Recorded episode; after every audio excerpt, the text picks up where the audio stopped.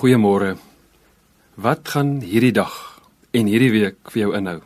Moeilik om te sê, maar een ding is 'n feit.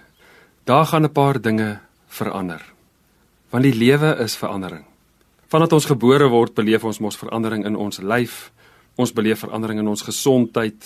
Soms is ons vol energie en soms is ons siek, ander kere is ons moeg of vol energie.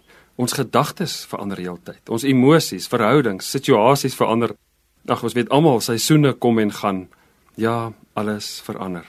En dis presies die punt wat Prediker 3 maak in hoofstuk 3 eh, vers 1 tot 8 as hy sê dat daar's 'n tyd wat mens gebore word en 'n tyd om te sterwe, tyd om te plant, tyd om plante uit te trek, 'n tyd om 'n lewe te neem en te red en te breek en te bou en te huil en te lag, te treur en te dans.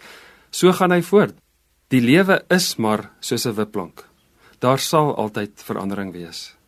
Hoe laat dit jou voel as jy besef dat hierdie week gaan veranderinge bring?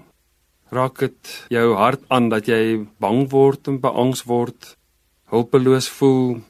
Watse gedagtes kom by jou op? Hoe voel dit in jou lyf? Hierdie week gaan verandering bring.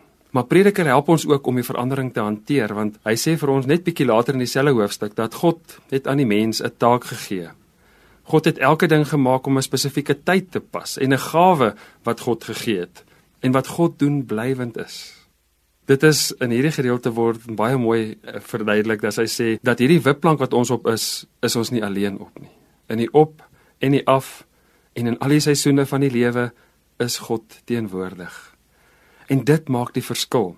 In die gewone van elke dag is hy teenwoordig. Dit is so jammer dat mense soms God kan mis as jy eintlik daaraan dink dat jy hom net in die buitengewone dinge soek maar in die gewone van elke dag kan jy hom beleef. Die tweede uitnodiging van Prediker is dat jy self teenwoordig is, want dis tog waar God is.